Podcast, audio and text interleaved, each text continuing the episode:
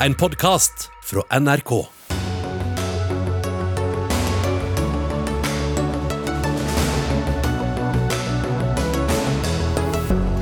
Det politiske kaoset i Bergen fortsetter etter at byrådet gikk av i går. Rødt sa nei til et nytt, så nå er alt i det blå. Flere biblioteker sier nei til politiske partier som vil ha åpne møter i lokalene deres. Latterlig fnyser politiker Mimir Kristiansson, som ble stengt ute. Hundrevis av norske ungdommer holder seg unna onani og porno i november. Det fører oss tilbake til skammen, mener sexolog. Og på mandag kan Sverige få sin første kvinnelige statsminister for andre gang. Vel møtt til Dagsnytt 18, hvor vi også snart skal få besøk av den nye stortingspresidenten. Mitt navn er Sigrid Solund. Debatten om Bybanen i Bergen ruller videre, om enn ikke helt på skinner. I gikk byrådet, I går gikk byrådet av da bystyret valgte en annen trasé for forlengelsen av Bybanen enn hva byrådet ville ha. Og hva har skjedd i dag, Morten Myksvold, kommentator i Bergenstidene? I dag så har eh, ordfører Rune Bakervik fra Arbeiderpartiet samla de ulike partiene på, hos seg og, og gått gjennom eh, situasjonen med de og prøvd å finne en avklaring. Eh, flere av de ifølge Bakervik har meldt tilbake at de trenger litt mer tid til å eh, snakke med partigruppene sine og finne ut hvordan de skal håndtere situasjonen. Så han har satt en frist til eh, mandag klokka 11 med å prøve å avklare denne situasjonen. Så har Rødt hatt noen egne møter i dag, fordi eh, det byrådet gjorde i går, setter et veldig stort press på Rødt for å, å skifte side. Eh, og Hvis Rødt skifter side, så er det flertall for å velge Bryggen som eh, trasé, men det er ikke nødvendigvis flertall for å finansiere den. Så har, det avgåtte byrådet har en vei å gå fortsatt. Vi kommer tilbake til deg, Miksvold, men eh, nå til deg, Harald Viktor Hove. Du er gruppeleder for Høyre i Bergen bystyre. Dere er jo klare for å overta, men hvordan ser du for deg at det skal skje? Nei, Vi har meldt til ordføreren at uh, hvis det er slik at han finner ut at det er grunnlag for at uh, vi skal overta og danne byråd, så gjør vi det. Men premisset for det må være klart. Bystyrets flertallsvedtak i går, det står. Det betyr at Bybanen skal bygges til Åsane, men den skal bygges i tunnel, og Bryggen skal sikres som et byrom for folk og ikke for trafikk. Altså ikke biler heller, eller? Ikke biler heller. og Det betyr også at vi må gjennomføre det flertallsvedtaket som det avgående byrådet inviterte til at bystyret bystyret skulle fatte i går. Og Når bystyret har fattet et vedtak, så er det også sånn at da må vi belite oss, som vi kaller det i Bergen. Det betyr at vi må gjennomføre det vedtaket, ikke ta omkamper sånn som den avgående byrådslederen inviterer til. Men hvordan ser du for deg at dere skal kunne få støtte til et nytt byråd? Nei, nå er det flere partier som trenger mer tid eh, og skal bruke helgen på det. Eh, men det som avtegner seg ut ifra dagens diskusjon, er jo at eh, dette først og fremst handler om har vi en avgående byrådsleder i Arbeiderpartiet, Roger Wallenberg, som beliter seg. Betyr at han faktisk har tenkt å akseptere at han tapte i går. Nå må han gjennomføre og gå av fordi at han ikke fikk viljen sin. Det resonnerer dårlig i Bergen. Det er et delt bystyre, det er en delt befolkning, men vi har fått et flertallsvedtak. Nå må vi få spaden i jorden, nå må gjennomføre, eh, istedenfor å surmule, sånn som jeg mener at byrådslederen nå gjør. Ja, Nå er ikke han her, så vi får eh, være litt mer knipne med karakteristikkene. Men til slutt her, Hove, hvorfor er denne traseen så viktig at eh, dere tar sjansen på å kaste Bergen ut i et nytt politisk limbo? Nei, Det var byrådslederen som kastet oss ut i politisk kaos. Eh, fordi at han nekter å gjennomføre det eh, bystyrevedtaket som flertallet nå har gjort. Det var han som inviterte til den diskusjonen, og nå har bystyret talt. Da må også byrådet som går på, enten det blir Roger Valemar eller meg, eh, vi må gjennomføre det vedtaket, istedenfor å drive utpressing av Rødt eller andre partier, sånn som jeg nå oppfatter situasjonen der. Vi skal få inn Rødt og SV. Takk skal du ha, Harald Viktor Hove fra Høyre, for at du var med. De skal overta din eh, stol, eller de skal få en til også inn der. Imens Morten Myksvold, har Høyre sjanse til å få noe flertall her, tror du? De har jo akkurat nå flertall for denne tunneltraseen, men et flertall som stiller seg bak Harald Viktor Hove som byrådsleder nå, det ser jeg ikke for meg. og Jeg, jeg kan ikke forstå eh, at Høyre syns Eh, vil, vil synes at det er lurt å gå i byråd nå heller, under to år før neste lokalvalg. Eh, spesielt når de må basere det på en ganske variert sammensetning i bystyret. Eh, de partiene som stemte for tunnel, er altså alt fra Rødt, fem uavhengige, tre av fem i Senterpartiet. En har Frp og en har Folkeaksjonen Nei til mer bompenger, eller det som er igjen av FNB da, etter noen utmeldinger. Så Det er ikke et godt grunnlag han har for det. Derfor har han nok litt svake kort på hånden. Men, men Valamer sliter jo òg med å på en måte få noen til å gi seg. Og Rødt har i hvert fall ikke vist noen tegn til å, å gi seg ennå. Men, men parlamentarismen er jo sånn at det er ikke noen plikt å sitte i byråd. Eh, og Det tror jeg Harald Viktor Hove vet. Eh, at eh, en, en, sitter i byråd så lenge en vil gjøre det bystyret sier. Og selv om byrådet leverte en sak om tunnelalternativ, så er det ikke sånn at de må støtte det bare fordi bystyret sier det. De som følger oss på TV kan nå se at vi har fått to nye gjester i studio i Bergen, og Bybanen som nettopp gikk forbi eh, bak der. Det er altså mange som peker på dere i Rødt, Marte Teigen. Du er leder av Rødt i Bergen og også sitter i bystyret. Dere stemte altså med høyresiden i bybanesaken, men dere vil ikke støtte noe høyrebyråd, men var da med på å felle eh, dette indirekte, da. Dette eh, byrådet som var ledet av Valhammer fra Arbeiderpartiet. Hva er planen deres nå, egentlig?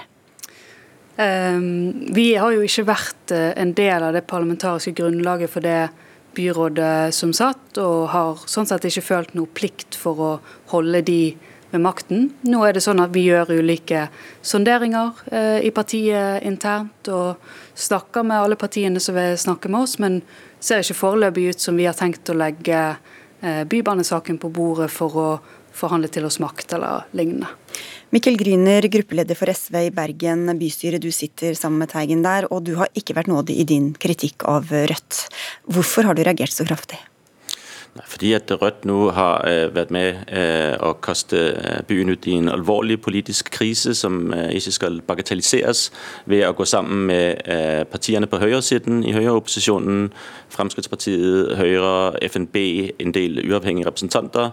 Og de har felt et byråd på en sak som er komplett umulig å gjennomføre, og som byrådet Valhammer selvfølgelig ikke kunne styre videre på. Så de valgte å stille et kabinettspørsmål, og da felte Rødt byrådet. Men de har jo bare kjørt sin egen politikk, da. Altså, de har hatt et medlemsmøte hvor et flertall stemte for den samme løsningen som tilfeldigvis Høyre og Frp også ville ha. Hva skulle de gjort annerledes? Nå er det ikke tilfeldigvis den samme løsningen som Høyre vil ha.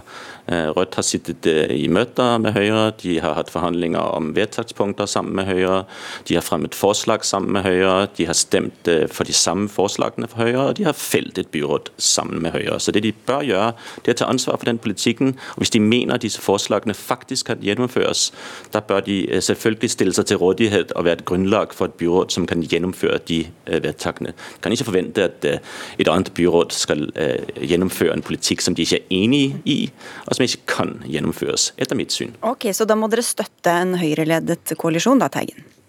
Eh, bare for å ta noen av tingene Mikkel sier først. Rødt har vedtatt på fire ulike årsmøter nå, gjennom to valgprogram som vi har stilt til valg på, at vi ønsker Bybanen i tunnel. Så eh, dette er grundig demokratisk fundert i vår organisasjon, og det stemmer som programlederen sier, at vi fortsetter å føre den politikken som vi har gått til valg på, som vi har lovet våre velgere. Uansett hva eh, konsekvensene blir?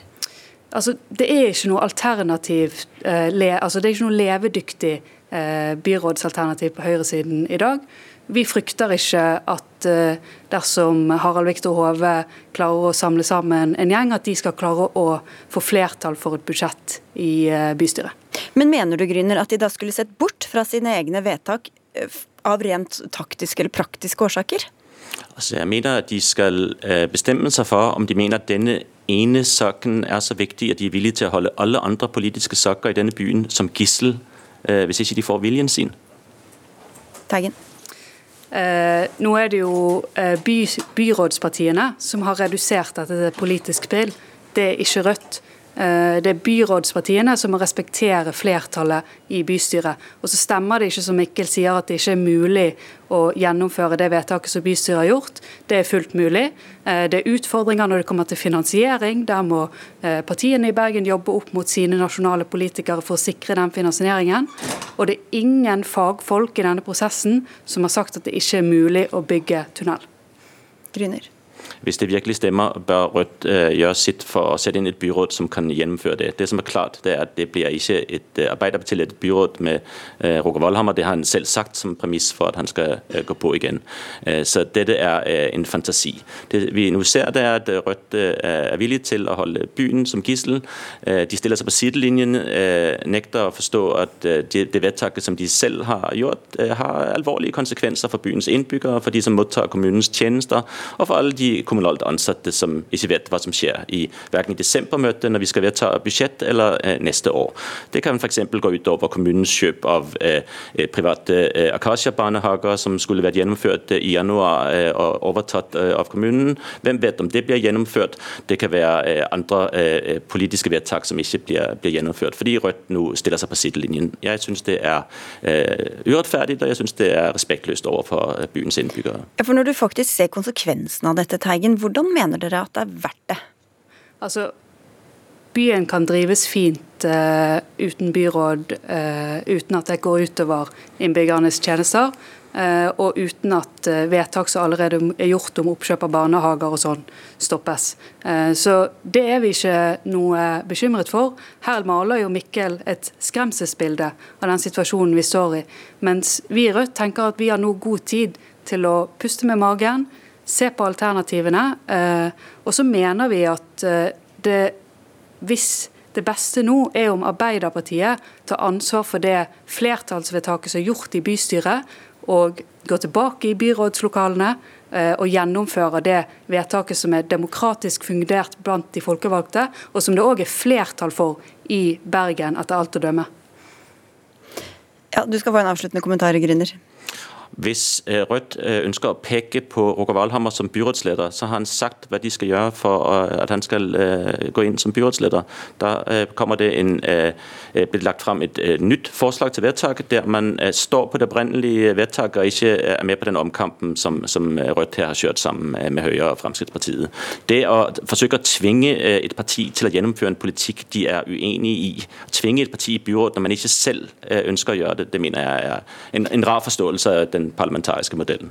Igjen, Roger Wallhammer er ikke med oss, men takk skal dere ha, Mikkel Grüner fra SV og Marte Teigen fra Rødt. Og tilbake til deg, Morten Myksvold, fortsatt kommentator i Bergens Tidende. Det er ikke sånn kjempegod stemning på venstresida i Bergen om dagen? Nei, eh, det er det ikke. Og jeg, jeg er jo usikker på om eh, det hjelper eh, for SV sin del å være så hard i kritikken mot Rødt som, som de har vært. Men jeg kan jo til dels forstå frustrasjonen òg, fordi når Teigen her sier at Eh, tunnelalternativet fullt gjennomførbart, så har fagetaten sagt at det forslaget de syns er best, det er fullt gjennomførbart. Men det som ble vedtatt i bystyret i går, er en kombinasjon av to alternativ som fagetaten forkasta. Fordi det var enda dyrere og enda dårligere enn det de mente var best. Eh, så en vet egentlig ikke så veldig masse om det tunnelalternativet som ble vedtatt, annet enn eh, at det ikke skal gå langs Bryggen. Eh, fordi det er ikke like godt utredet som det andre tunnelalternativet som ble, eh, forkasta. Sånne ting sliter denne bybanedebatten med, at en later som alle tunneler er like, og hver tunnel er ganske unik. altså. Det kan jo virke for utenfra som om det bare er Bybanen som er det eneste saken dere diskuterer i Bergen. Da. Men kan det, da, kan det komme til en ny avstemming, når man ser hvilken vei dette bærer? Ja, altså Det er jo rom for forhandlinger her. altså som, Nettopp fordi at det også er et tunnelalternativ som fagetaten mener er bedre enn det som ble valgt, så er det, så er det i hvert fall en mellom, eh, mellomløsning. Eh, men det er òg fullt mulig å se for seg at, eh, at et parti eller to eh, snur. Men det blir jo veldig spennende å se hvem som gir seg først. Roger Valhammer har vært veldig tydelig på at han nekter å ta den risikoen i byggetid som tunnel medfører, og, og ekstra bompengekostnad. Og Høyre nekter å belite seg. De alle vil at andre skal gi seg. Eh, det er vel gjennomgangstonen her. I går kom jeg jo i skade for å si at denne debatten var ved veis ende. Det skal jeg aldri mer si, men takk skal du ha, Nei, Morten Miksvold. takk skal du ha.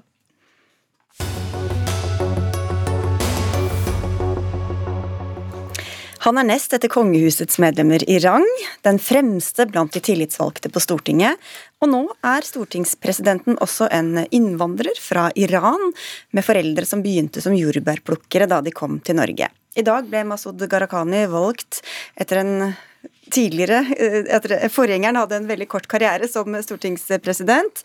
Eva Kristin Hansen måtte gå av. Begge er fra Arbeiderpartiet. Så gratulerer, Masud Gharahkhani. Takk for det. Det var ikke dette du hadde sett for deg? Jeg har aldri gått rundt og drømt om å bli stortingspresident. Jeg tror for så vidt ikke det er bra at noen går rundt og drømmer om det, men uh, takk for tilliten. Og så er det en uh, enorm jobb som nå må gjøres, og jeg er helhjertet motivert til å gjøre det. Men hvordan har prosessen vært? Er du, er du nå helt sikker på at det ikke er noen lik i lasten som kan dukke opp etter hvert? Jeg tror at alle skjønner det, at uh, det har vært en grundig prosess. og jeg har vært ganske tydelig på at jeg har følt de reglene vi har på Stortinget. Uh, og så tenker jeg da at eh, Og det handler ikke liksom om meg personlig, men, men det må jo også være slik at eh, politikere er også som vanlige folk. Så det må være mulig å ha gjort feil en gang i livet og, og ha muligheten til å bli eh, politiker en gang. Fordi det tror jeg samfunnet må tenke såpass sånn, for ellers så, ellers så vil vi ha store utfordringer hvis, hvis det ikke skal være menneskelig å gjøre feil. Og det var jo en menneskelig feil som gjorde at eh, din eh, forgjenger Eva Kristin Hansen måtte gå av etter surr med en pendlerbolig, men nå sier jo hun selv og hennes advokat Jon Christian Elden at hun gikk av på feil grunnlag fordi hun ikke er mistenkt av politiet for å ha gjort noe ulovlig. Nå sier de at de har fulgt reglene, og at hun ble tvunget til å beklage. Hva sier du til det? Altså, jeg har fått mange spørsmål om det. Jeg har fått mange spørsmål om enkeltsaker. Eh, og eh, Det som er viktig for meg nå, det er å gjøre den jobben jeg er satt til av hele Stortinget. Og Så du rydde ingenting om det? hva hun sier? Altså, jeg har ikke noe behov for å gå inn i enkeltsaker og, eh, og heller ulike kranglinger som er i offentlige media. Det som er viktig for meg, det er at jeg har fått et enormt tillitsverv. Og jeg er nødt til å gjenvinne tilliten til det norske Stortinget hos folket. Eh, og Det betyr at uh, i dag har jeg hatt møte med presidentskapet. I morgen skal jeg møte med stortingsdirektør. Neste uke blir det mest sannsynlig møte med parlamentariske ledere. For meg så er det viktig at vi nå sikrer åpenhet om alt. At det er ryddighet, at vi ser gjennom alle ordninger og retningslinjer, at det oppleves rettferdig og legitimitet hos folk. Og så er jeg et utålmodig, at vi får kontrollmekanismer på plass, og at det er retningslinjer som ikke er mulig å tolke feil. Men det er jo også noe med bakteppet du blir satt til å gjøre denne jobben i, da. Fordi det har også vært høylytt murring fra din partikollega Sverre Myrli, som vel hadde håpet, han gikk kanskje med den drømmen, da, ikke vet jeg, i hvert fall i noen dager, å bli stortingspresident, men som i stedet måtte ut av presidentskapet. Han kaller det et uverdig spill. Og så har vi hele historien med din forgjenger. Hvor, hvor lett blir det å Eller hva, hva gjør disse sakene også, og disse, den interne uroen med din ditt spillerom her? Altså jeg har fått først eh, tillit av mitt parti eh, til å bli nominert som eh, stortingspresident, og i dag har Stortinget eh, stemt meg inn som stortingspresident, og nå er fokuset mitt å gjøre den jobben. Altså Jeg har jo visst det, at det å bli stortingspresident den tida vi er i nå, er krevende. Men jeg går helhjerta inn i det, fordi jeg er veldig glad i det norske demokratiet. Og da må det norske Stortinget funke. Mm. Og det norske Stortinget det må handle om å løse hverdagsutfordringer for folk, ikke rot eller kaos som Stortingets representantordninger. Og det er jeg motivert til å gjøre. Og så håper jeg da etter hvert at når vi kommer over den kneika og gjenvinner tilliten, at jeg også kan bruke den rollen til å snakke om hvor flott det norske demokratiet er. For det er det. Det er kort avstand mellom oss som sitter på Stortinget og til daglig er på fotballtrening sammen med alle andre med ungene våre. Vi handler i nærbutikken og Eh, vi er helt vanlige mennesker, vi òg. Men med ganske uvanlige ordninger, kan vi vel si, som jo også er en av grunnene til at det er blitt så mye støy. For enten ordningene er blitt brukt riktig eller misbrukt, så er det i hvert fall noe som veldig mange andre bare kan se langt etter. Du går nå opp til drøyt 1,7 millioner kroner i årsgodtgjørelse, heter det vel. Stortingsrepresentantene får pendlerbolig, de får dobbelt opp med feriepenger, etterlønn og feriepenger på etterlønna annet. Skjønner du at det murrer mange steder? Altså Det som er viktig for meg, er at vi nå uh, går gjennom ordninger. At det oppleves både rettferdig og legitimitet hos folk, og det kommer vi til å gjøre. Og det vet jeg at uh, alle politiske partier nå er innstilt på å gjøre en skikkelig ryddejobb for å gjenvinne den tilliten. Men hva syns uh, du om det nivået dere har ligget på, da? Tenker du på lønningene? Lønninger og alle mulige andre ja. særordninger. Ja, men Det er jo nettopp det vi skal ha en gjennomgang av. Altså Når det gjelder lønninger, så har vi et godtgjøringsutvalg eh, som kommer med forslag, og så er det Stortinget som vedtar det. Jeg har faktisk ikke vært helt oppdatert på hva som er lønna mi, men, men Gratulerer med den nå. Du er, du er det. Og, og, så er det mange andre ordninger. Det er diskusjoner om feriepenger, andre ting. Og som jeg sier, så vet jeg at vi i presidentskapet og alle politiske partier er innstilt på at vi har en gjennomgang av det. Jo, men du har jo sittet på Stortinget en, hel, en periode før dette også, og, da, og, og dere vedtar jo deres altså, egne ordninger. Syns du da at de har vært rettferdige? Det er ikke noe du har tenkt at, de, at burde endres Nei, altså, på tidligere? Jeg forstår at det er mange som stiller spørsmålstegn ved en del av de ordningene man har. Og jeg mener at det er viktig at eh, det oppleves rettferdig og har legitimitet. Eh, og så er det sånn at eh, for meg som stortingspresident er jeg også opptatt av det, at vi skal ha ordninger som gjør at uavhengig av hvor i landet du bor, uavhengig av hva slags bakgrunn du har, så har du muligheten til å bli stortingsrepresentant og delta i demokratiet vårt. Det er viktig. Eh, og jeg tror liksom politikken blir fattig hvis det er som man ser i enkelte land, at det er kun en elite som får lov til å være med på det. Så det er også en annen eh, del av det. Og det er en helhetlig eh, gjennomgang av det vi nå ønsker å gjøre. Tidligere når du har sittet i dette studio, så har du hatt skal vi si, en litt annen tone i debatten. Nå skal du samle alle, være apolitisk nærmest. Hvordan tror du det blir?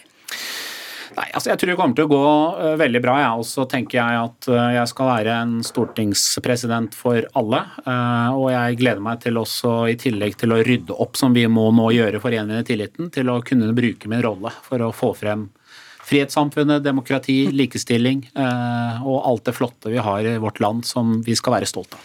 Det er vel innafor å ønske lykke til, vil jeg tro. Er, noen kommer altså, og noen går, og noen slamrer mer i dørene på veien ut.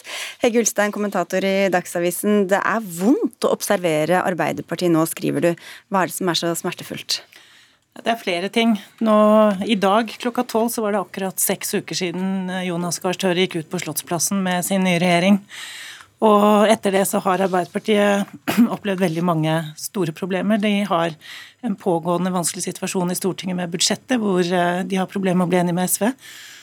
De har fått veldig mye kjeft fra fagbevegelsen fordi de ikke tok inn eh, feriepenger til eh, permitterte, noe som ville ha kosta 1,6 milliarder. De har eh, kutt, bevart kutt på ABE-reformen, bevart kutt på en del sånne usosiale kutt, brillestøtte, den type ting. Og de har også bevart kutt når det gjelder uføre. og Det har de fått eh, veldig mye kjeft for, og det er veldig usikkert om de klarer å få det gjennom. Og så har vi i tillegg det bråket som dere var inne på nå i sted, med, med stortingspresident, tidligere stortingspresident Eva Kristin Hansen, som måtte gå av pga. tull med pendlerboliger, og, og, det voldsomme oppgjøret som Sverre Myrli hadde i full offentlighet da han følte at han ble forbigått. og og det bråket som har vært rundt det. Så det har ikke vært en heldig start for Jonas Gahr Støre. Marie Simonsen, politisk kommentator i Dagbladet, du skriver også om dette. Myrli som sier høyt at dette Jeg husker ikke akkurat hvilke ord han uh, brukte, men uh, det var ikke pene. Og Eva Kristin Hansen sier at hun egentlig ikke mente det hun sa, og at hun ikke burde ha gått av. Hvorfor tror du de gjør dette? Nei, det virker jo som om det er blitt en kultur i eh, Arbeiderpartiet hvor man protesterer mot alt, alt som eh, skjer der. Dette har jo red jo partiet som en mare i den forrige stortingsperioden. Og nå ser det ut som om det fortsetter her, at disse stridsøksene var ikke begravd så veldig dypt. Eh, de tas i hvert fall eh, raskt opp igjen, og det at, det at man så åpenbart og bramfritt går ut mot eh, ledelsen og vedtakspartiet, er jo er jo uttrykk for at, for at, det er en indre uro. Og Sverre Myrli har jo fått mye støtte innad i partiet, for at, og de mente nærmest at det var hans tur. Det er jo en sånn derre ordninger som er litt vanskelig for vanlige velgere å skjønne, egentlig. At i partiene så har man eh, krav på verv og posisjoner. Og, det er kanskje ikke alle utenfor enig i. Det kan jo være at man rett og slett valgte den beste kandidaten. Du nevnte budsjettet, Hege Ulstein, og at Arbeiderpartiet har fått mye kjeft fra flere hold også for uh, kutt som ble kalt for usosiale. Nå sitter de i forhandlinger med SV, men hvorfor sitter det tilsynelatende så langt inne å gi etter for noe som egentlig er Arbeiderpartipolitikk? Ja, Det er jo det som ser veldig rart ut fra utsiden. For dette var jo veldig tydelige og klare løfter fra Arbeiderpartiet før valget. At dette skulle rette opp i løpet av de 100 første dagene. Nå har det gått 70 dager. og det er fortsatt ikke gjort noe med det. Men eh, jeg tror at du finner litt av svaret på det på at Senterpartiet har hatt et veldig godt grep om budsjettprosessen. Det virker i hvert fall sett utenfra som at Trygve Slagsvold Vedum har hatt god kontroll på budsjettet og passet på sine når, de har, når, de har, jobbet med den tilleggsproposisjonen i, i regjeringen.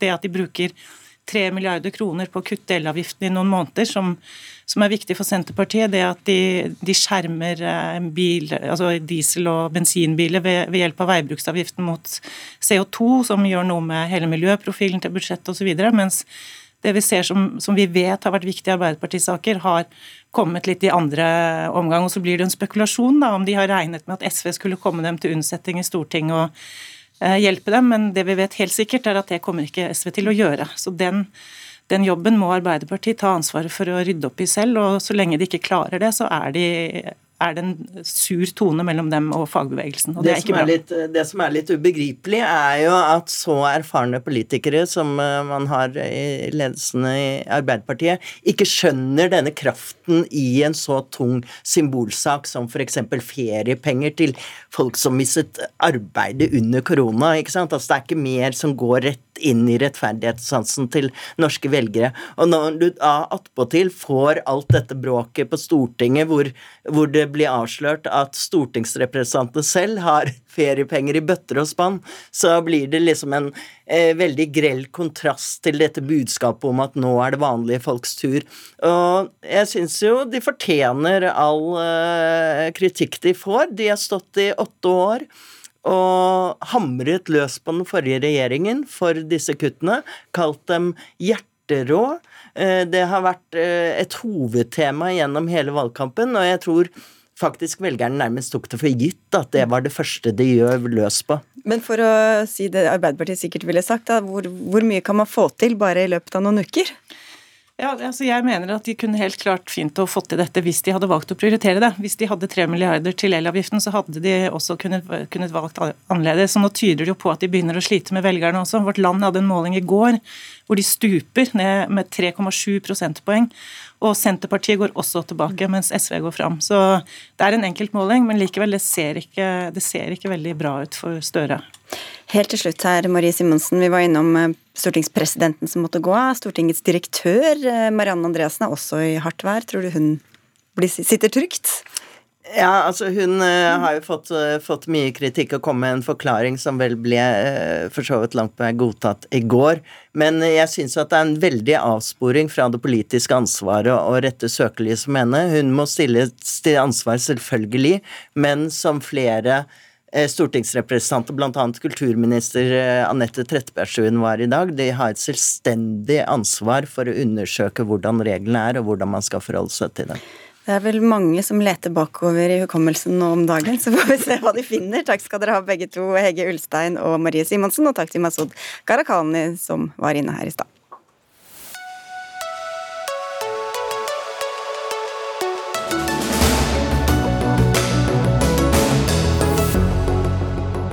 Du hører eller ser på Dagsnytt 18, hvor vi om litt skal diskutere om det er bra for helsa å avstå fra å onanere i en måned, slik en kampanje tar til orde for.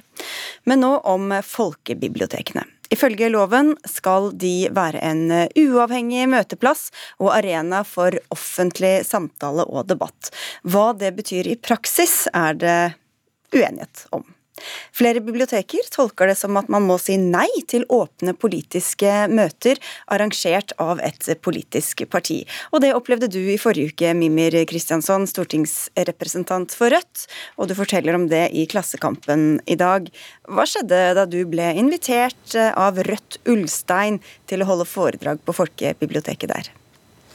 Jeg trodde jeg skulle komme til uh, Ulsteinvik og snakke om uh, Rødts politikk og om uh, mitt syn på Forskjells-Norge. og ha et åpent møte der folk kunne møte opp, stille så mange kritiske spørsmål de ville, sette meg fast på alle mulige ting. Og så viser det seg at eh, det var ikke biblioteket i eh, Ulstein interessert i, fordi at de ikke ønska å ha politiske møter. Eh, og nå var det jo så hyggelig da i kommunen at de ville tilby oss å ha møte i kommunestyresalen, så det er vi jo glad for. Men veldig mange steder i Norge så er jo folkebiblioteket, eller biblioteket, da, det eneste reelle møtelokalet der du kan ha et møte i det hele tatt. Og da er vel vår oppfatning og min oppfatning nå at en del av den eh, demokratiske infrastrukturen selvfølgelig òg er at de politiske partiene må få ha møter. Alle på like fot, selvfølgelig, sånn at det blir uavhengig og bra. Og dette skal vi diskutere, men vi, vi tar en kort tur innom deg, Jørn Gjørungnes. Du er biblioteksjef nettopp på Ulstein bibliotek. Hvorfor fikk ikke Rødt eh, ha møte hos dere? Ja, jeg syns dette er en vanskelig sak. Jeg har forholdt meg til eh, biblioteklova etter beste evne. Mer spesifikt en pressemelding fra Sivilombudsmannen fra 2016 da Kristiansand folkebibliotek hadde takka nei til et eh, arrangement i regi av Sian. Eh, det som eh, lyser gjennom i den pressemeldinga, er et krav til likebehandling. Og da er det jo to hensyn som kommer i konflikt. Da. Det er biblioteket som skal bidra til ytringsfrihet Eh, samtidig som vi ønsker å ivareta eh, vår uavhengige posisjon. Og eh, løst lokalt her da, så har jeg satt krav til at hvis det er et politisk eller religiøst tema, så skal det være motstemme, og der skal aller helst være en moderator som også gjør at folk kommer til ord, ulike meninger kommer til ord på en rettferdig måte.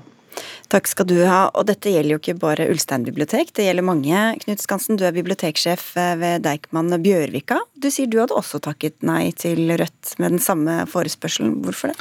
Ja, jeg har for så vidt sagt det, men jeg sa en ting til. Jeg ville invitert eh, Rødt til eh, et samarbeid for å se hvordan vi kunne løftet det viktige temaet som Rødt ønsket å, å ta opp, eh, inn i biblioteket på en sånn måte at vi nettopp fikk tatt tak i det redaktøransvaret som vi har, som min kollega peker på. Det, det som er veldig viktig å være klar over, er at bibliotekene må likebehandle alle. Og Det er nok et veldig viktig utgangspunkt som en del ikke har tenkt over i denne saken. og det vil si at eh, Enten kan vi slippe opp fullstendig og si at absolutt alle kommer inn i biblioteket eh, og kan tre opp på en talerstol og holde eh, et foredrag og det kunne man for så vidt tenkt seg. Jeg tror eh, lovteksten, altså det at vi skal på en måte legge til rette for samtale og debatt, da ikke ville blitt oppfylt. Jeg mener at bibliotekene må legge til rette for den samtalen selv. og det vil si at Initiativet må gjerne komme fra politiske partier. Jeg mener de er, Det er altfor få politiske debatter i, bibliotekene, men vårt oppdrag er da å legge til rette for et ordskifte og en reell debatt. Og Hvor blir det av det, Kristiansson, hvis det er et parti som også f.eks. stiller med moderator, som er den som stiller spørsmålene, som er den som lager opplegget? Selvfølgelig, jeg, jeg, møter hvem som helst i debatt i Ulstein. Jeg. Det er ikke noe problem, det. Det skal jeg gjerne gjøre. Men det bare, poenget er jo at målet med likebehandlingen her må jo være at alle får lov til å arrangere sine møter. Og da er det klart at hvis du har altså En ting er Deichmanske i Oslo, da, men 90% av stedene i Norge er det ikke flust med lokaler der du kan arrangere møter. Og hvis du har en haug med politiske partier i Norge Høyre, Frp, Rødt, hva det skulle være, som ønsker å arrangere åpne møter på et bibliotek, så mener jeg at bibliotekene bør kunne være en infrastruktur for det. Og så sier jo begge disse biblioteksjefene at de er opptatt av redaktøransvaret til biblioteksjefen. Ja, det er jeg òg opptatt av, og jeg aksepterer helt fint det redaktøransvaret. Så hvis man mener da redaksjonelt at et parti som er over sperregrensen i Norge, eller f.eks. meg, da, ikke er interessant nok til å være på biblioteket. Hvis man mener det er redaksjonelt, eller at det jeg skal fortelle er så eh, hårreisende at det redaksjonelt ikke står seg, da er jeg helt med. Men det jeg hører, er jo også det motsatte. Nemlig noe eh, Man gjemmer seg bak en lovtekst, en påstand om uavhengighet, noe politikerne har bestemt. Jeg forstår det ikke sånn at et parti ved å holde et møte på et lokale gjør det lokale uavhengig. Altså det er jo ikke sånn at, Eller avhengig da, av det partiet. Det er jo åpenbart ikke sånn at et torg blir avhengig av et parti fordi at et parti står der og har en tale. Men jeg skal bare nevne her, for Vi har invitert Kulturdepartementet, som ikke kunne stille, men de svarer oss på e-post og sier at bibliotekenes uavhengighet er viktig, og at loven ikke legger føringer på aktivitetene eller innholdet i et folkebiblioteksprogram. Det betyr Knut Skansen, at dere kan åpne for enkeltpartier, men dere kan også la være. Ja, altså det, det med uavhengighet i denne lovteksten tror jeg misforstås litt i en del sammenhenger. Uavhengigheten som ligger i revisjonen fra 2014, den handler om at det skal være en armlengdes avstand mellom de som eier bibliotekene, og det er folkebibliotekene, er det kommunene. Dvs. Si at politisk ledelse i kommunene kan ikke blande seg opp i innholdet i biblioteket. Det er en helt vesentlig forutsetning. Og så ligger det et redaksjonelt ansvar i biblioteket.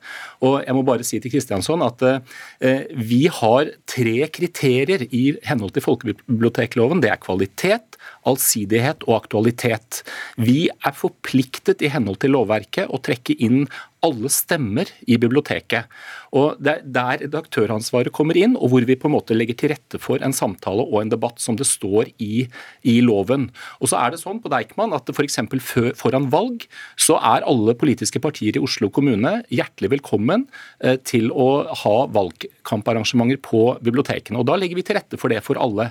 Eh, men, men det, det er viktig å skjønne her at et bibliotek er på mange måter som en allmennkringkaster.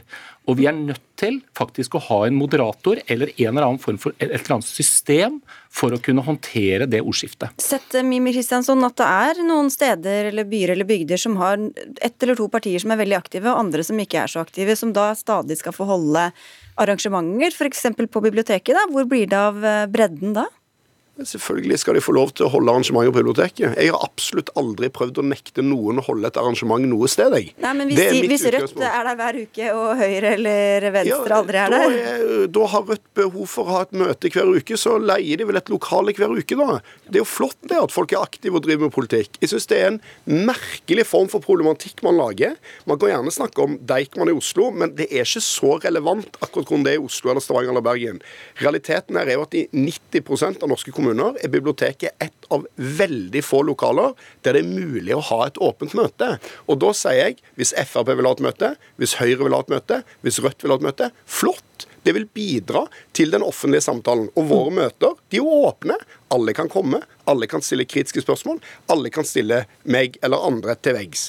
Og det burde jo være okay. en glede, da, ikke et problem. Du skal få svar fra, fra Ja, og det er, eh, som jeg sier, eh, jeg, jeg syns jo det er fantastisk bra altså Du reiser denne, denne debatten, Kristiansson. Eh, og jeg vil gjerne ha flere politikere inn i, i Deichman, og vi kommer til, tror jeg, også invitere mange flere etter hvert.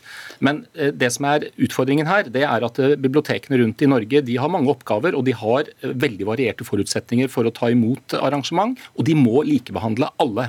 Så det man må tenke gjennom her Hvem er alle, da? Det er alle interesseorganisasjoner, alle ulike Så hvis de slipper til én interesseorganisasjon, så må de slippe til ja, 100 andre, liksom? I prinsippet må man da faktisk åpne opp biblioteket på den måten at alle har lik tilgang på de premissene.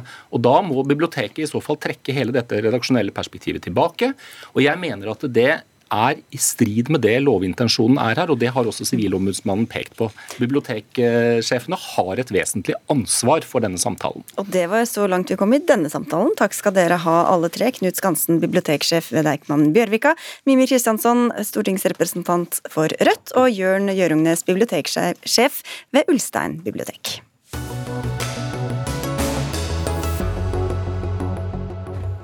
Førstkommende mandag får Sverige mest sannsynlig sin første kvinnelige statsminister for andre gang. For eh, før Sosialdemokraternas eh, Magdalena Andersson eh, i det hele tatt hadde tiltrådt formelt som statsminister, i går så valgte hun å gå av. Bakgrunnen var en budsjettavstemning hvor Miljøpartiet besluttet å gå ut av regjering. Odd Inge Skjevesland, du er journalist og kjenner forholdene i Sverige veldig godt. Som jeg trodde det. Du trodde det helt til dette skjedde? Det kom overraskende på deg òg? Ja, nei, Det er vanskelig å vite liksom hvilket vers i tuppen og Lillemor vi er med på, hvilke partier som er med i hvilke konstellasjoner. Altså, det er, eh, det er, ja, hun, hun, sa selv også at dette framstår som, som rotete. Ja, og det er jo nesten et paradoks. For jeg tenker hvis eh, de av oss som lever om en mannsalder Eller unnskyld, menneskealder.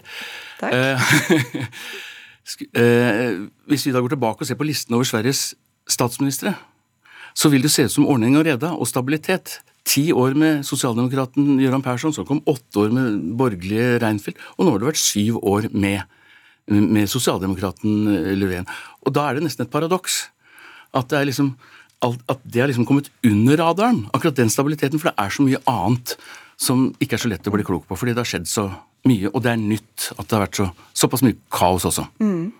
Olof Svensson, du er med, du er politisk reporter i svenske Aftonbladet. Den svenske talmannen, som ligner på vår stortingspresident, hadde en pressekonferanse i dag. Hva sa han?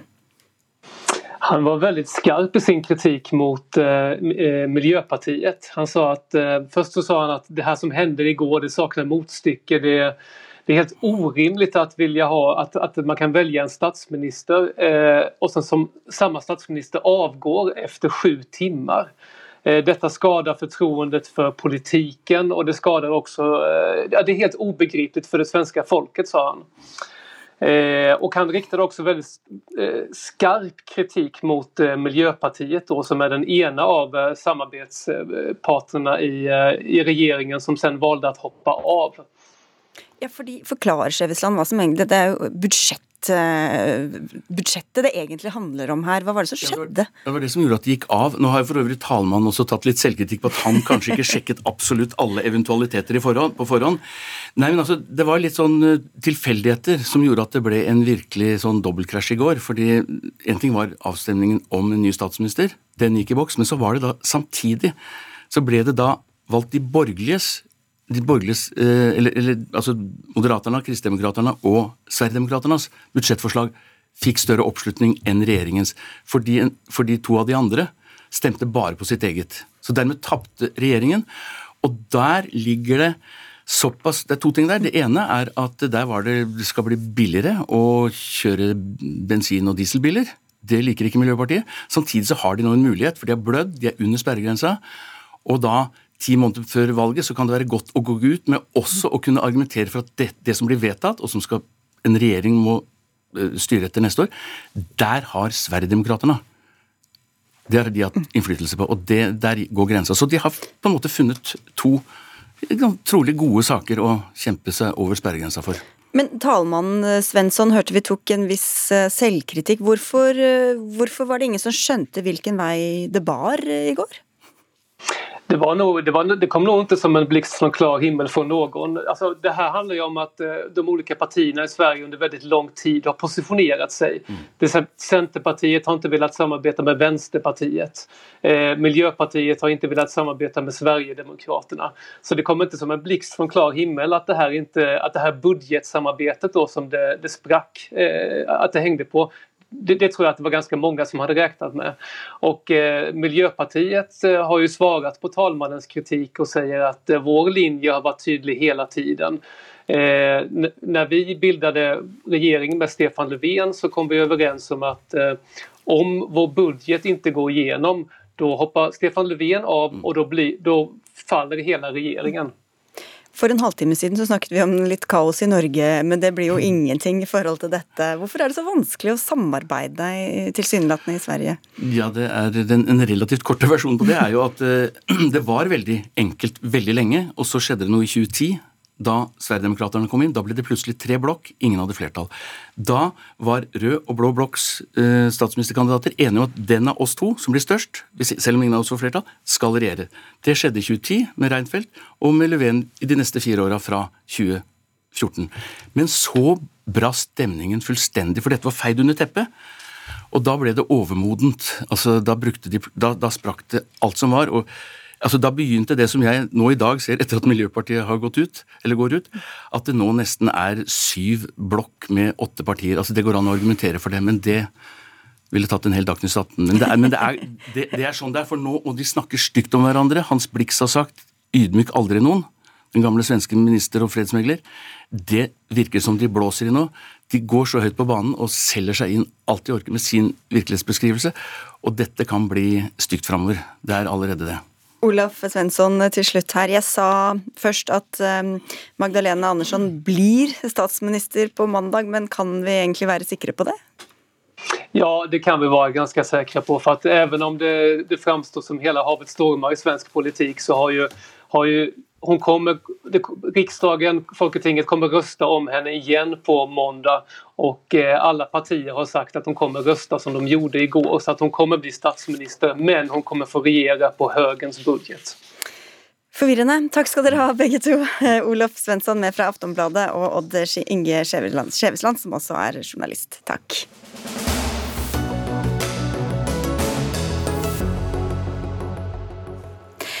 Du har kanskje fått med deg bartestuntet Movember, men har du hørt om No Nut November? Hvis ikke får du forklaringen her. Gutter og menn utfordres til verken å onanere eller se på porno i hele november.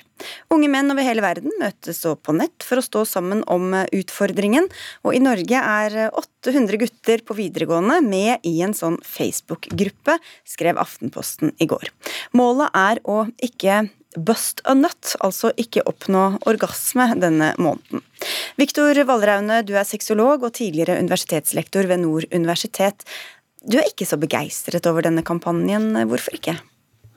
Nei, eh, vet du, altså jeg skjønner for litt sånn som jeg forsto ut ifra det, det, som er sagt her, at de, de ønsker det her for å bli et bedre for å bli en bedre person. Og det, det er noe som jeg applauderer. Altså, vi bør alle jobbe for å bli bedre personer. Men avhold fra seksualitet, altså jeg tenker ungdommer i tidlig tidlig voksenalder, for å si det sånn, eh, de har behov for å trene på seksualitet. De, de har behov for å uh, få utløsning, de har behov for å trene på intimitet. De har behov for å trene på, på nærhet uh, og sosialisering. For det er jo nettopp den prosessen som er så veldig viktig. Og det å skulle avstå fra dette, det tenker jeg er litt sånn hva skal jeg si, Det blir litt som å snu 180 grader og så si jeg skal ikke ha noe som helst av det hvis du skjønner hva jeg forstår.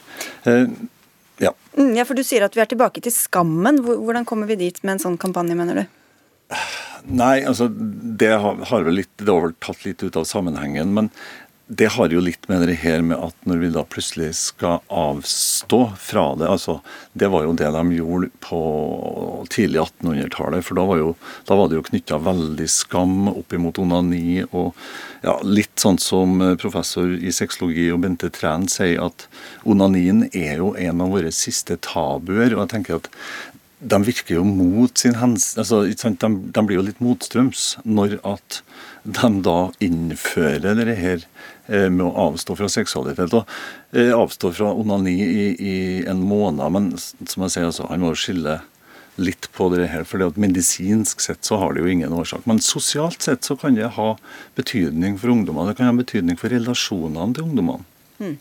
Jack Chen, du har skrevet flere leserinnlegg om dette i Aftenposten, og er en av dem som i hvert fall har deltatt i den utfordringen. Hvorfor engasjerte du deg i dette? Altså Det første var jo fordi det var gøy. Det var bare noe som dukka opp på internett med noen memes og morsomme bilder. Og da tenkte jeg hei, det er en måte å utfordre seg selv på. da. Og det er det. Folk bare prøver å utfordre seg selv. Jeg tror kanskje det er der vi misforstår at dette er jo kun bare én måned. Bare prøve seg lite grann. Og det andre er jo det at dette gir meg faktisk en mulighet, og også en mulighet til å kunne prate om onani og pornografi i det åpne. Siden når ellers i året er det på en måte aktuelt å trekke det opp. Man blir kanskje litt rart på da, men gjennom trenders og utfordringer som No November, så er det faktisk mulighet for å kunne ja, ha en debatt som vi har nå. Men hva slags personlig gevinst mener du det kan uh, gi, da?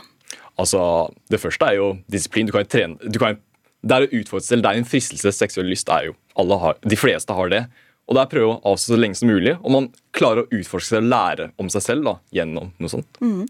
Er det så annerledes med dette prosjektet enn at man f.eks. tar en uke med kontemplasjon og meditasjon og søker innover og ikke driv med de vanlige tingene. Han, han, må jo se det litt i lys av som han sier, én måned. Det gjør jo ingenting. Og som han sier, det er jo for gøy. Han får jo testa seg ut sjøl. Eh, du får jo på noe til holdt tilbake. Og jeg tenker at det er jo en sånn form for maskulinitet. Jeg forsto han Jordan Peterson var med på som en sånn støtteperson oppi det her. Han er jo litt kontroversiell sånn uh, ellers, vil jeg påstå, men, men han har noe for seg, det, det her med å bygge litt maskulinitet. Jeg er ikke uenig i den.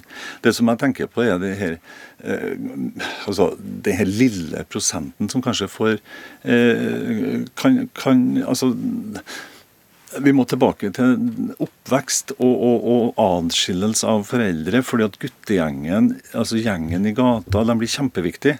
Og for det han som kanskje er svakest i denne gjengen, og som skal prøve å følge gjengen, og som ikke greier det her, han får tilført denne skammen fordi at han ikke greier å nå opp. Kanskje, altså, Sånn som jeg har forstått det, så er jo ikke No Nut November nå. det, det, er jo ikke noen konsekvenser som medfører det her. men Altså, det vil kunne påføre en del ubehageligheter for ungdommen. Da. For, for noen ungdom. Chen, hva tror du? Og det jeg tenker er jo, Vi må jo se på seriøsiteten av hele dette. her. Det er en veldig liten andel som faktisk tar den utfordringen veldig seriøst. På den gruppa jeg er med på, der Folk heier på hverandre. Folk er sånn Hei, du klarer det. Hvis du feiler, så, så lager de morsomme vitser og sier Å, jeg tapte. Heia, lykke til videre. Og jeg tror, jeg tror ikke det å at man blir skambelagt. Jeg tror ikke det finnes i disse miljøene som vi snakker om. Men du sa du ønsket debatt og søkelys. Hva, er det du vil sette søkelys på? Hva er det du vil ha debatt om? Altså, Når man går tilbake til seksualundervisning som jeg hadde på skolen, så var det hvordan kropp fungerer, hvordan sex fungerer, prevensjonslignende. Men ble aldri forklart noe om pornografi eller onani sånn sett. Om kanskje det gode ved pornografi og kanskje det dårlige, og like med onani. Og da tenk, det tenker jeg at vi burde ta opp. at burde vi er det virkelig sånn at vi har lyst til at barn skal bare gå fritt inn i pornoverdenen og bare finne, lære for seg selv? Eller vil vi faktisk undervise og vise det gode ved onani, som la oss inn det med kreft? Eller og, og, det dårlige. Men Uten at det skal bli for personlig her, så kan man vel ta avstand fra pornografi for eksempel, i en måned uten at man tar avstand fra eh, onani? Ja, det kan det. Det er helt opp til deg. Det er jo igjen en tullete utfordring. Du kan gjøre hva du vil innenfor det området. da. Valraune, hva sier du? Jo, jeg syns det, det, høres litt sånn uh, Jeg ble litt sånn letta over det som uh, Shen sier nå. Uh, for som du sier, altså, altså avstå det, en måned, det gjør ingenting. Og når det er på en måte knytta til noe som er positivt og gøy, og for å få kanskje for å få trumpa fram en debatt, for å si det litt på trøndersk, så, så er det jo, det er jo ingen fare med det sånn sett. men i bunn så har vi jo vi har jo et seksuelt behov. Det er jo faktisk fysiologisk. Altså det, er en, det er en grunn for at menneskerasen finnes, og det er det her behovet for, for forplantning. Ungdom i dag har veldig behov for å lære seg sjøl å kjenne, og prøve ut sin seksualitet. Lære seg å kjenne gjennom egensex, gjennom intimitet med andre. Jack Chen, Hva som er galt med pornografiindustrien har vi hørt mye om, men hva mener du kan være galt med onanering, da? Det er som det meste i verden. Hvis du gjør for mye av det, så kan det bli dårlig. Det første er jo at sex er jo så mye mer enn bare onani. Det er intimitet, det er alt det. Men når en 13-åring kun lærer seg at ok, onani er fint, men det er ikke noe dårlig ved det, så har de ganske mange år før de sannsynligvis debuterer. Og da kan man lære seg opp til å tro at onani kun er det eneste og det beste. Vi skriver 25. november i dag, men det ble ikke 25 dager for din del, har jeg skjønt? Det ble det ikke, og bu.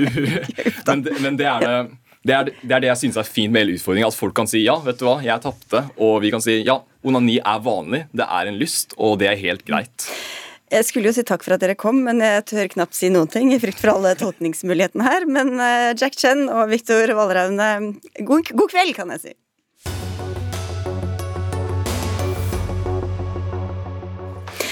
Når får man nok av The Beatles? Tilsynelatende aldri. I dag ble første del av en dokumentarserie om supergruppa lansert. Sju og en halv time basert på filmopptak rundt innspillingen av deres aller siste plate, Let It Be. Regissør Peter Jackson, kjent fra bl.a. Ringenes herre-filmene, fikk tilgang til 50 timer med glemte filmopptak som han da har satt sammen. Linda Engebråten, Beatles-fan og tidligere leder av Beatles-klubben i Norge. Hva gleder du deg mest til? Oi, jeg gleder meg til uh, alt, egentlig. Det her er jo en skattkiste for oss uh, Beatles-fans, og det er liksom gullgruven. Det er, eh, det er Ja, jeg kan nesten ikke tenke meg noe sånn større akkurat nå. Det, er, det her er jo usett materiale som har ligget da i et sånt hvelv under bakken i 50 år. Og jeg gleder meg bare så veldig, fordi kvaliteten på det som har vært der fra før, har jo vært forferdelig dårlig, og det har jo hatt negative assosiasjoner, man, eller man har fått, fått det pga. den gamle filmen. Så nei, jeg bare gleder meg til alt, jeg. Ja. jeg tipper du er like begeistra, Audun Molde. Du er førskolelektor ved Høgskolen Kristiania. Men hva tror du vi kan få vite som kanskje vil endre oppfatningen eller historien om Beatles? Ja, om ikke førskolelektor, så i hvert fall førstelektor. Først, sa jeg førskolelektor? Jeg er fortsatt litt satt ut etter den forrige runden her. Nei, ja, Vi vil jo se de tett på i åtte timer, og som Linda sa, se ting som vi aldri har sett før. Eh, så hva vi får se, det vil jo vi se når vi kommer i dybden på disse episodene. Både Linda og meg så en sånn preview på 100 minutter på kino på tirsdag. Og, det var jo sånn at eh, man ikke trodde sine egne øyne, altså. For det var jo ting som man ikke har sett eller hørt. Eh, og teknisk kvalitet er så god at det ser ut som det er filma i går. Um, så du kan jo tenke deg, i, i, dag da, så er det jo veldig vanlig at artister og band filmer masse dokumentarer. Du lager jo ut, så utrolig mye materiale sant, rundt en utgivelse, rundt en turné. Men jeg tror det finnes ingen artister fra den perioden på 60- eller 70-tallet som er dokumentert liksom, over så mye tid som det vi får nå med The Beatles. Det er helt unikt. Vi har jo hørt mye om hvor dårlig stemning det var dem imellom på dette tidspunktet. Trommeslaget Ringo Starr hadde allerede sluttet eh, en gang, og George Harrison i filmen forlater bandet i eh, raseri. Hvor ille var det mellom dem, eh, Engebråten? Um, som regel så pleier jo Beatlene selv, eller de pleide i hvert fall, å referere til det sjøl som et ekteskap eller en familie. Og det er jo akkurat sånn det er. De har vært tett på hverandre i mange år, og de har opplevd ja, Beatlemania, og de har opplevd så mye sammen. Uh, så de hadde jo sine oppturer og nedturer. Og klart, uh, det, er, det, går jo mot slutten her, og det vil man jo nok se. Men uh, samtidig også så tror jeg som at det er det derre kameratskapet. Det er jo også veldig sterkt, da. Og så kom det jo en, et femte medlem holdt jeg på å si, inn i denne familien. da, Yoko Ono, eh, John Lennons eh, kjæreste, som mange har pekt på som en en av hovedgrunnene til at bandet gikk fra hverandre. Hvordan synliggjøres den spenningen mellom henne og de andre her? Etter det som vi vet, så synliggjøres den eh, veldig lite. og Hun sitter der i ro og fred og syr og stikker og leser aviser hun, og forstyrrer ingen. Og Paul og George og Ringo sier ikke et vondt ord. Det er en, det er en scene i filmen hvor Paul litt frustrert sier at uh, det ville jo være merkelig om folk om 50 år skulle si at Beatles gikk fra hverandre fordi at Yoko satt på et pledd i studio. Og det er nesten som profetisk uh, utsagn. Så hun frikjennes hun da, egentlig? Unnskyld? Hun frikjennes litt i denne filmen, da? Ja, altså den, Når du sier at det kommer en femte person inn, så håpet jeg at du ville snakke om Billy Preston. Oh, ja. han, han, er en viktig person. Ja. Det kommer jo en musiker til inn, og han skaper jo en dynamikk i bandet. sant? Han spiller piano, som er også fantastisk spennende å se. Det får leke med en person som ikke har vært med dem før.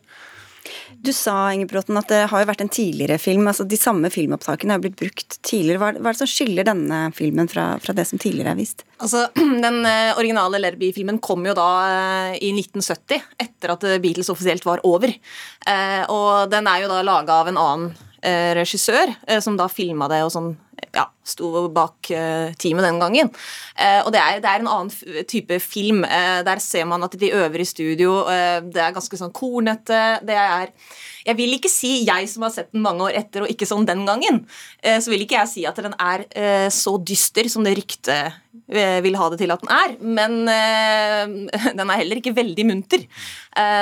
så Men i den nye dokumentaren nå så vil det jo være andre kameravinkler, og det vil være andre klipp de velger, kanskje andre ja, eh, så jeg tenker at eh, det er, dette blir noe helt annet. Det blir en helt annen film. Og det er også bevisst, vet jeg også fra Peter Jacksons side, at eh, han velger minst mulig av det som er med i den originale.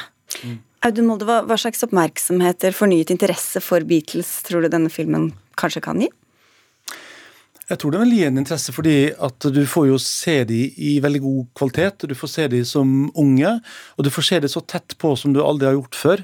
Eh, jeg tror knapt det er eh, et musikkverk eller et kunstverk som er så grundig dokumentert som dette blir nå, over åtte timer. Eh, og du får se at det er helt vanlige folk som krangler og tuller og tøyser og fjaser og prøver og feiler og, og, og ler. Og, og, så plutselig så ser du det kollektive geniet hvor de faktisk skaper noe sammen. og Du får være med og se den kreative prosessen. Så jeg tror det at det ikke blir bare sånne korte klipp som du har i dokumentarer på noen sekunder, men du får se noe som er såpass spent utover tid, gi et helt annet bilde enn um, en det man har fått tidligere. Og hva slags interesse det genererer, det, det vil jo uh, framtida vise. Men jeg tenker jo at uh, når folk oppdager musikk, så, så, så kicker man på det uansett. Um, og så er det forskjellige kilder man får den musikken fra til enhver tid. Og dette kan jo være en kilde for noen, da. For noen handler jo mye om nostalgi, men det gjør det ikke for deg. For du ble jo født lenge etter dette ble spilt inn, Linda Engebråten. Hva, hva var det som har gjort deg så fascinert, da? Oi, oi, oi. Eh, først og fremst den gode musikken. Altså, Det er jo musikken som er nummer én. Eh, og jeg da ble jo fan eh, da de ga ut Anthology-serien da på midten av 90-tallet. Det var det som gjorde at jeg ble fan. Ganske så snevert den gangen. Men det sa vel sikkert sitt, da. Men jeg tenker at altså Det er jo først og fremst musikken. Og så når jeg først var hekta på den, de der tidløse, gode melodiene, og så er det Beatles-historien også er jo så spennende. Det er jo et eventyr. Og hva sier de fortsatt gjenlevende to, Paul McCartney og Ringo Starr, om, om filmen? Eller hva har de sagt? De har jo um, gitt grønt lys for alt de har sett, og jeg tror de gleder seg. Og jeg tror spesielt Paul McCartney er veldig opptatt av å bevare det gode Beatles-ettermælet og husker de gode minnene. Men du vet at Nå har jo de også etterkommere her, og det har jo vært litt sånn rørende de siste dagene å se barna til John Lennon og Paul McCartney og Ringo Starr og George Harrison sammen på kino. Det er lagt ut poster i sosiale medier. Så jeg tror alle sammen uh, syns at dette er en begivenhet. og de som vil se den, kan se den på strømmetjenesten eh, Disney Pluss, og på nrk.no kan du få en anmeldelse av eh, serien. Takk skal dere ha begge to. Dag Dørum, Eli Kyrkjebø og Sigrid Solund takker for følget, og ses igjen i morgen.